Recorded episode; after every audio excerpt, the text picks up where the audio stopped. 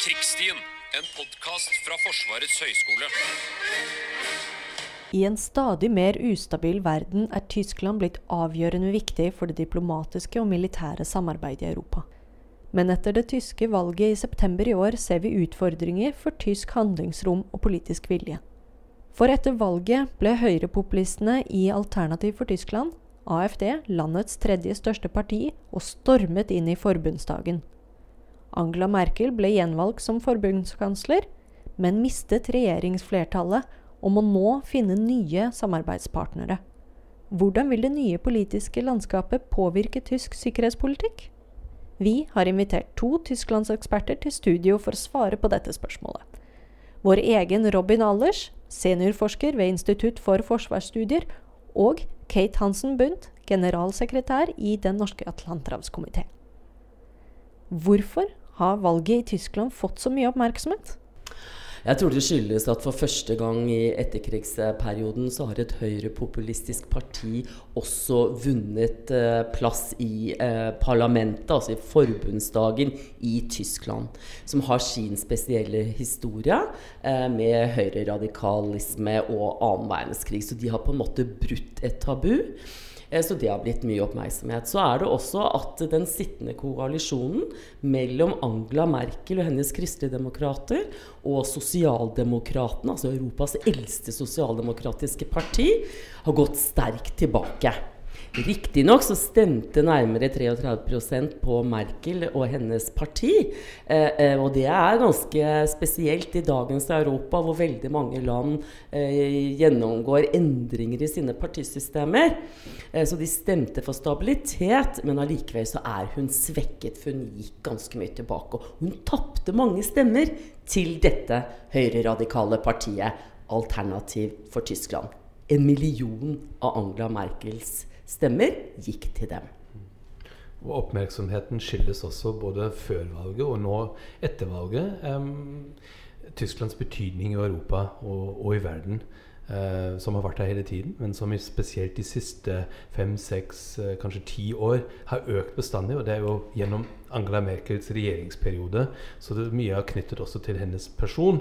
Eh, at hun har opparbeidet seg stilling som en slags eh, leder av Europa, slik mediene har presentert det, og også mange eksperter eh, som, som, snakker eh, henne opp på en måte som hun selv kanskje ikke hadde valgt, men eh, som mange oppfatter nå som en realitet. At hvis du skal ringe Europa, så ringer du helst eh, Angela Merkel.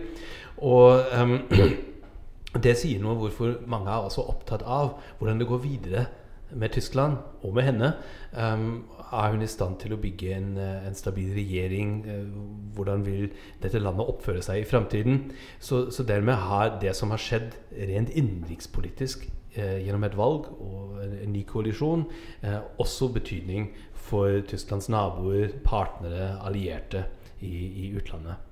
Man sier om Angela Merkel at hun trives best når det er mange kriser, og de er kompliserte. Hun er altså en krisehåndterer. Eh, og der har det ikke manglet på kriser i Europa i løpet av de ti årene som vi snakket om her, med den store finanskrisen som utsatte eurosamarbeidet for et eksternt sjokk. Eh, vi har hatt eh, flyktningekrisen, vi har hatt den sikkerhetspolitiske krisen hvor Russland annekterte Krim, og den videre militære konflikten i Ukraina har fremveksten av høyrepopulisme i mange land i Europa, og ikke minst brexit. Oppå toppen av det velger amerikanerne en president som heter Donald Trump. Og da utropte mange henne til den liberale verdensordens redningskvinne.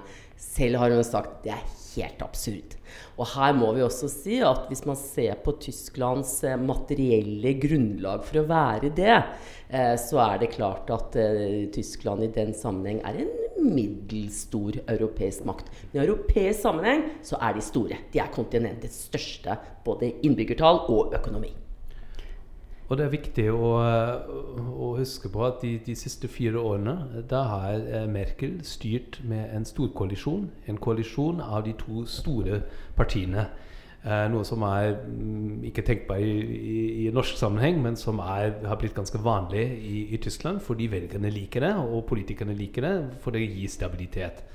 Og, det har også gjort eh, Merkel og hennes regjering handlekraftig, med et stort flertall i parlamentet. Og um, muligheten til å gjennomføre uh, prosjekter men også reagere på utenrikspolitiske, sikkerhetspolitiske kriser på en måte som har utfordret eh, vanskelige områder i tysk politikk, f.eks. deltakelse i internasjonale koalisjoner, eh, økte forsvarsutgifter. Selv om det er viss, eh, alltid noen differanser eh, rundt det, så, så, har man greid å bli enig om å møte disse krisene, eh, som ble nevnt. Ukraina, eh, IS frammarsj. Um, og også utfordringene uh, som, som, nå brexit og, og Trumps valg uh, stiller Europa overfor. Nå er den koalisjonen borte. Nå er den opsjonen borte. Eh, Sosialdemokratene sa på valgaften at de ikke vil fortsette den koalisjonen. Eh, nå må hun, eh, Merkel, bygge en ny regjering med to nye partnere. og det blir spennende å se om hvor samstemte de er. Det vi vet, det er at det blir mer krevende å styre. Ja, og i tillegg til det så kan man jo si at hun skal ha med seg eh, to helt nye partnere, og så er hennes eget parti også egentlig delt i to. Tysk politikk er komplisert, men det er fire partnere som skal finne eh, en felles politikk hvor alle egentlig får lov å skinne litt eh, med sine særinteresser. Og en annen ting som begrenser hennes handlingsrom, er at hun har fått en mye sterkere opposisjon i parlamentet, i forbundsdagen, ved at Sosialdemokratene nå sitter som opposisjonsparti.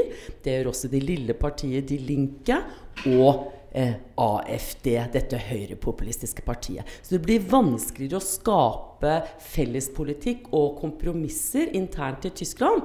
Ikke det at det er en dramatisk endring, eh, men det vil nok eh, synes sånn på nyansene i den politikken man vil føre utad. Og hun vil bli veldig opptatt med innenrikspolitikk, og det trenger ikke Europa i dag. De trenger et Tyskland som driver europeisk integrasjon og europeisk samarbeid fremover. Mm for fire år siden, da man eh, etter valget så, så gikk denne storkoalisjonen um, eller begynte sitt arbeid med et utenrikspolitisk prosjekt. Og det prosjektet hadde som motto en mer aktiv tysk utenrikspolitikk. Man hadde lært seg fra Libya-krisen i 2011 og den skuffelsen som mange uttrykte over Tysklands oppførsel i FN og i Nato den tiden, um, at et så stort land kan ikke gjøre seg så lite. Uh, må gjøre mer, uh, må være mer aktiv. Og um, på den utfordring uh, reagerte uh, Storkollisjonen for fire år siden. Så de hadde et prosjekt, og de, de ble testet på det med de krisene. Men de greide altså også å, uh, å, implementere den på mange måter. Følge opp den retorikken om, om det. Så det som blir interessant å se nå fremover, er um, holder den konsensusen at man skal gjøre mer. At man skal være en aktiv deltaker i internasjonal politikk. Eh, på meglingsfronten, hvis vi ser en krise i Nord-Korea, og er Tyskland i stand til å tilby, tilby seg som megler? Eh, skal Tyskland bidra til internasjonale operasjoner? Kommer Tyskland til å øke forsvarsutgiftene og, og ta en, en, en, større rolle når det gjelder uh, ta med partnere i investeringsprosjekter? Uh, alt dette um, lurer partnerne på, og, og er avhengig av uh, en stabil regjering hvor man er samstemt om utenrikspolitikk. Sikkerhetspolitikk i dag dreier seg jo både om det Robin snakker om her som eksterne trusler og utfordringer, som vi ikke kjenner Vi kjenner jo ikke fremtiden. Det kan komme ulike konflikter. Det dreier seg også i dag om de indre krisene på innsiden av de institusjonene eh, som vi har jobbet gjennom gjennom etterkrigsperioden. Nato, EU, som har blitt store. Mange ulike interesser, og mange stiller seg spørsmål om solidariteten her. Jeg vil trekke frem at Tyskland har spilt en veldig konstruktiv rolle når det gjelder den økonomiske utviklingen i Europa. Det er også sikkerhetspolitikk. Man har brukt den sterke makten man har innenfor økonomi, eh, på å holde euroen oppegående, selv om den har vært utfordret pga. gjeldskrisen i Sør-Europa. Så er det ulike oppfatninger om Tyskland har gjort dette i ren egeninteresse, fordi som en eksportnasjon har tjent veldig mye på en lav og stabil eurokurs. Uh, og den har vært begunstiget uh, Tyskland, eller om man har gjort dette fordi man mener, som Angela Merkel alltid sier, at euroen dreier seg om mye mer enn en felles valuta. Det dreier seg om hele EU-prosjektet. Det felles byggverket man har operert innenfor etter annen verdenskrig. Og her kommer Tyskland og denne regjeringen til å få utfordringen i årene som kommer. Vi har altså den franske presidenten Macron, som har kommet med et stort, um, en, holdt en stor tale på tirsdag rett etter det tyske valget, med masse forslag til felles europeisk politikk. Og spørsmålet er om Tyskland kommer til å spille sammen med Frankrike, sånn som de har gjort i hele etterkrigsperioden, som en sånn tysk-fransk akse i EU-samarbeidet og drevet det fremover. Eller om de har ulike interesser på det økonomiske området. Hva tror dere? Det er to oppfatninger i Berlin. Eh, og Det ene er at eh, de selv gjennomgikk en stor økonomisk reform på begynnelsen av 2000-tallet. Tyskland hadde den gang fem millioner arbeidsledige. Den såkalte Agenda 2010 hvor man fikk arbeidsmarkedsreformer, hvor man fikk kutt i velferdsgoder. Og dette har gjort at tysk økonomi har gått veldig godt sammen med noen andre faktorer. Og den gruppen mener at dette må resten av eurolandene også gjøre. De må kutte, spare i offentlig pengebruk eh, og gjøre arbeidsmarkedene mer fleksible, sånn at vi får økonomisk vekst i Europa.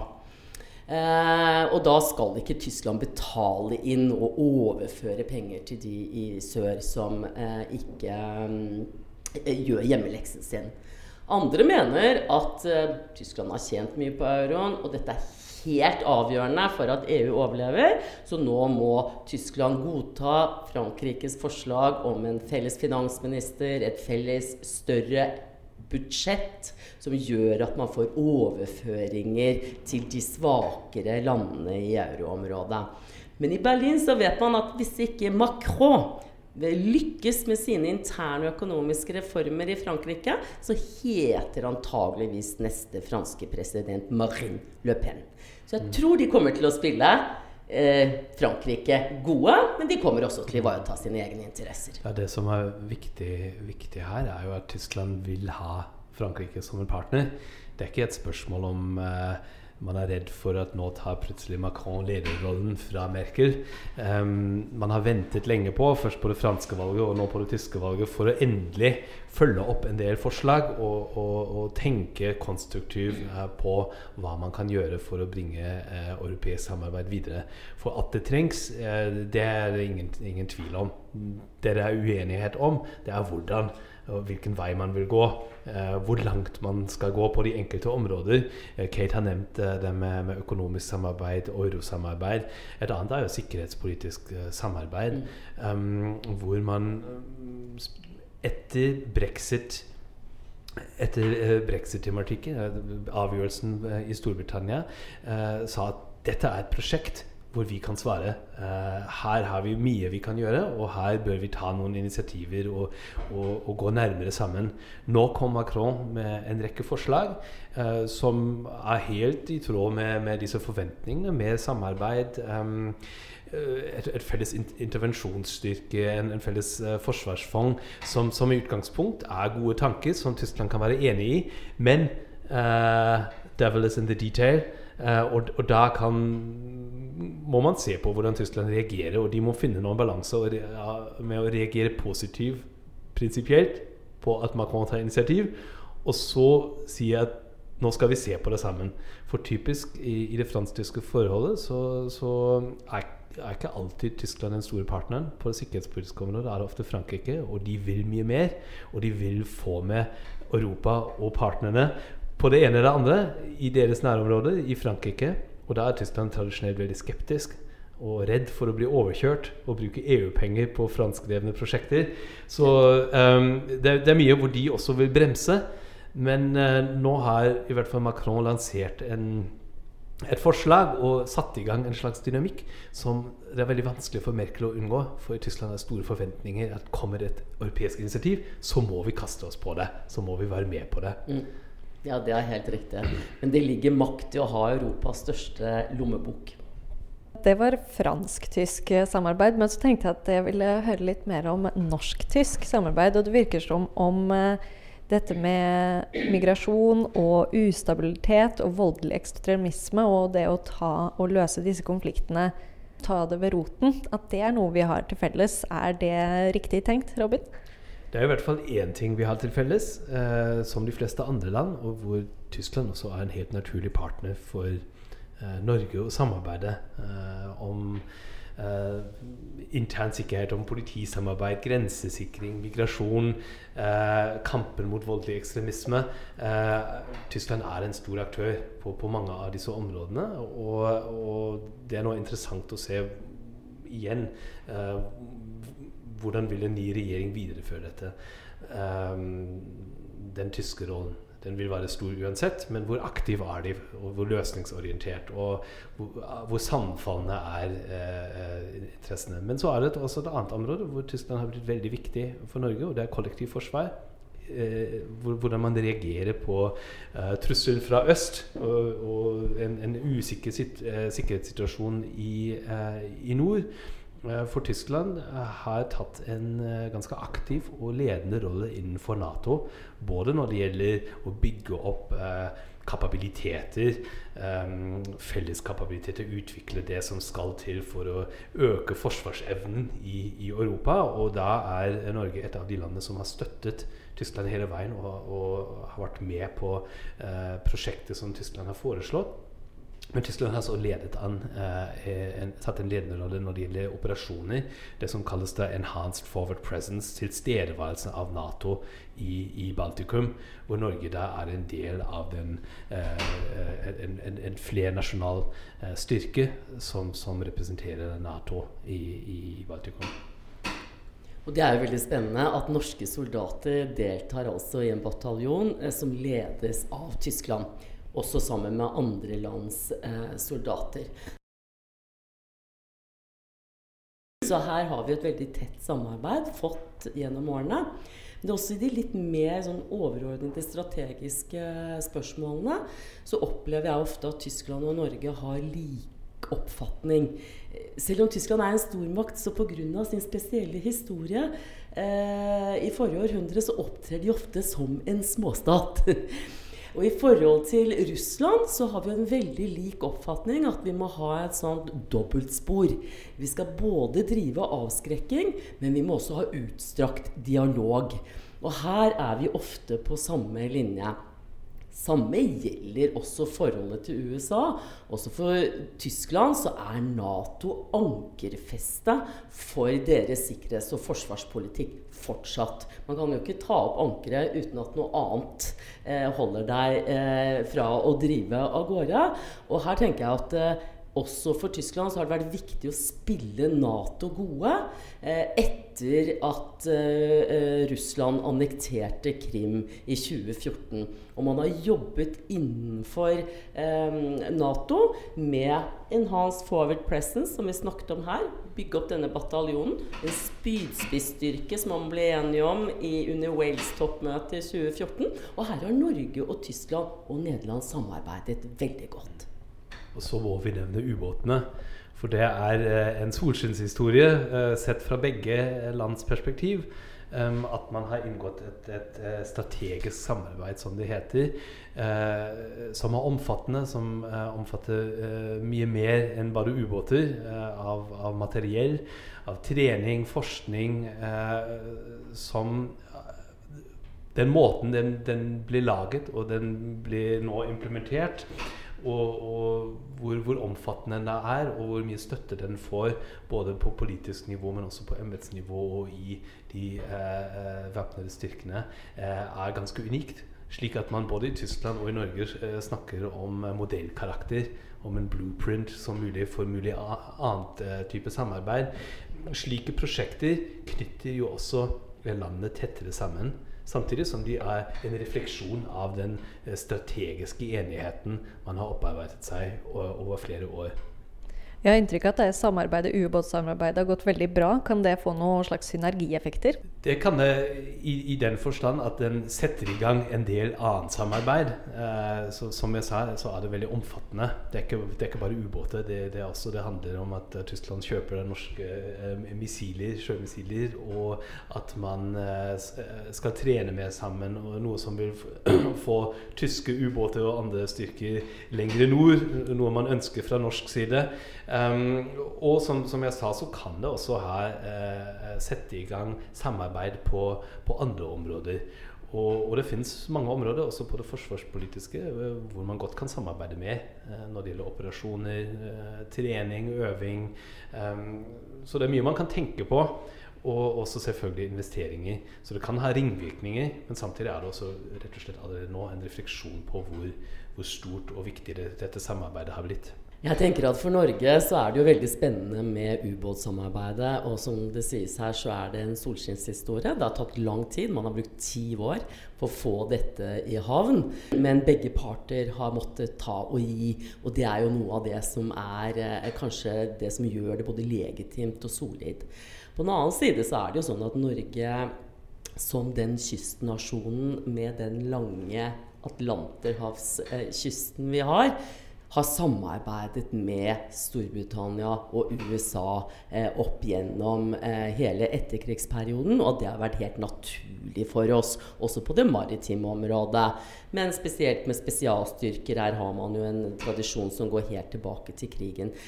Så der har Norge på en måte nå to ulike samarbeidspartnere eh, innenfor en kontinental, mer kontinental eh, stat Eh, og eh, de gamle sjømaktene. Og jeg tenker at det er en styrke, men det skal også balanseres.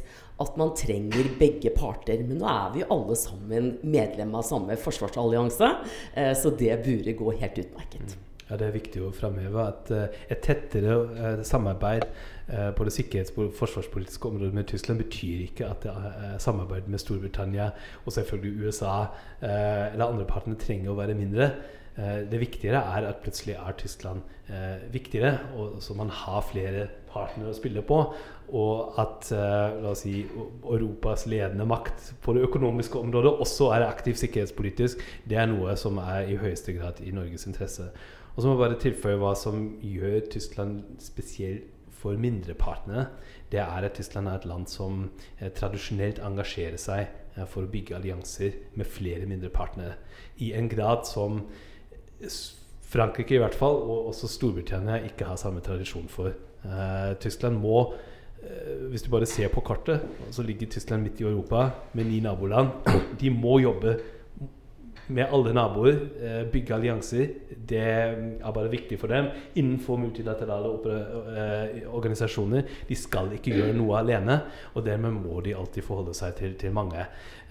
det betyr også for Norge at man ikke Tyskland aldri vil bare se mot nord. De vil også se mot uh, sør og mot vest og mot øst. Uh, og, og, og, måtte balansere disse interessene. Men det er at Norge nå har fått uh, gjennom en veldig god avtale et tettere forhold til, til Tyskland. Um, det tjener begge veldig godt på, tror jeg. Og Det interessante er jo når eh, Tyskland tok mer eh, sikkerhetspolitisk ansvar, eh, så kom dette som et skille eh, klart politisk og ble annonsert under München-konferansen, en stor sikkerhetspolitisk konferanse i 2014. i Et koordinert utspill av både president, utenriksminister og forsvarsminister som sa at nå skal Tyskland også ta et økende ansvar for opprettholdelsen av den frie verdens orden. Og det er jo også i Tysklands egeninteresse. Vi skal ikke glemme igjen at Tyskland er en stor økonomisk makt, en eksportør. De eksporterer biler, maskinvarer, globalt. Det er her de tjener sine penger. Derav viktigheten av å opprettholde eh, den eh, globale orden som eksisterer. Altså fri ferdsel til havs eh, mindre konflikter, sånn at man kan handle med hverandre. Land som handler mye med hverandre, går sjelden til krig. Og dette er en av de viktige oppvåkings skal man si, øyeblikkene i tysk eh, utenrikspolitikk de senere årene. At her vil vi også være med å ta det ansvaret. Og da lurer jeg på, sett i lys av valget, hvordan kommer Tyskland til å gjøre det nå framover? Jeg tror vi må gå vekk eh, fra begrepet som leder av Europa og leder av den, eh, den, frie verden. Men et begrep som vi godt tror jeg kommer til å bruke, er forsvaret av den multilaterale orden. For eh, i en tid hvor eh, den amerikanske presidenten for første gang uttrykker seg så skeptisk mot europeisk integrasjon, og også stille spørsmål eh, ved hvordan Nato fungerer. Og generelt har uttrykt skepsis mot multilateralt samarbeid. Noe som de fleste europeiske land er veldig interessert i. For de trenger det, og de trenger eh, ordnede forhold innenfor fungerende eh, multilaterale organisasjoner som Nato og EU. Da er det viktig um, da, vil, da, vil, et land som Tyskland, som eh, fronter denne kampen eh, overfor eh, allierte, men også i forsvar mot andre la oss si, med truende makter lenger til øst, um, få en veldig viktig rolle. Ja, jeg kan uh, slutte der jeg begynte. Jeg tror Europa er fylt av en rekke uløste kriser og utfordringer. Både de som kommer eksternt fra, men også de som har oppstått på innsiden av disse multilaterale institusjonene, som vi setter vår lit til. Og her trenger vi noen som er villige til å stå opp og eh, drive med krisehåndtering i samarbeid med andre stater. Det er så møysommelig å bygge opp denne type internasjonale strukturer, og så forferdelig lett å bryte det ned. Når vi ser hva som skjer i Spania i disse dager, eh, når vi ser eh, hva flyktningkatastrofen avstedkom for noen år siden, grusomme bilder som eh, sendes oss eh, nesten hver kveld, så trenger man noen som står opp for fellesløsninger. Men man gjør jo ikke det fordi man er snill og god utelukkende. Man gjør jo det fordi man har egeninteresser knyttet til at det institusjonelle systemet opprettholdes. Jeg har mye større tro på egeninteressen enn altruismen når det gjelder å få til gode løsninger i internasjonal politikk. For å komme tilbake til eh, valg, valgresultatet, så så kan man være pessimistisk og si at nå blir Tyskland mye mer ustabilt, og det blir vanskelig å regjere, og man bruker mer tid på, på seg selv og ikke så mye på å bygge opp nettopp de institusjonene og løse de krisene som, som Kate her peker på. Eh, men man kan også være litt optimistisk ved å si at, at alle de partiene som nå er aktuelle for en ny regjering, de tenker ganske likt de, på disse spørsmålene. De er ikke eh, skeptiske mot multilateralisme. De, de vil eh, fortsatt ha en liberal holdning til eh, migrasjon. Og de er i utgangspunkt løsningsorientert. Så det blir krevende å styre. Men eh, det er ut, i første omgang ingen fare for at den store eh, utenrikspolitiske konsensusen i, i, i Tyskland er under sterkt press. Heller hvis kanskje at vi kan håpe på en motreaksjon. Det er jo enkelte som ser eh, dette valgresultatet ved at man får høyrepopulister inn i det tyske parlamentet som positivt. Nettopp fordi det gjør Tyskland veldig likt mange av de andre europeiske landene. Så Tyskland kan ikke stå på utsiden litt sånn moralistisk og si at ja, men vi eh, er eh, vaksinert mot dette pga. vår historie. Fordi det er reelle eh, politikkutfordringer, økonomiske utfordringer som følger av globaliseringen, av eh, robotiseringen. Arbeidsplasser faller vekk. Det er store migrasjonsbølger som skaper usikkerhet angående egen identitet, som rammer mange europeiske land. Og dette må ansvarlige politikere ta inn over seg, diskutere, debattere. Og det kommer ikke Angela Merkel, ei heller hennes utfordrer Sosialdemokratene, unna å gjøre i årene som kommer. Og det er kanskje av det gode. Det skaper demokratisk eh, debatt på innsiden av det parlamentariske systemet. Mye verre om de hadde gått ut i gatene. Tusen takk for eh, kloke refleksjoner og innspill, Kate og Robin. På Krigsstien er en podkast fra Forsvarets høgskole og er tilgjengelig på iTunes, Soundcloud og våre hjemmesider. Følg oss også på Instagram, og abonner gjerne via iTunes og Android. Vi høres! På Krigsstien, en podkast fra Forsvarets høgskole.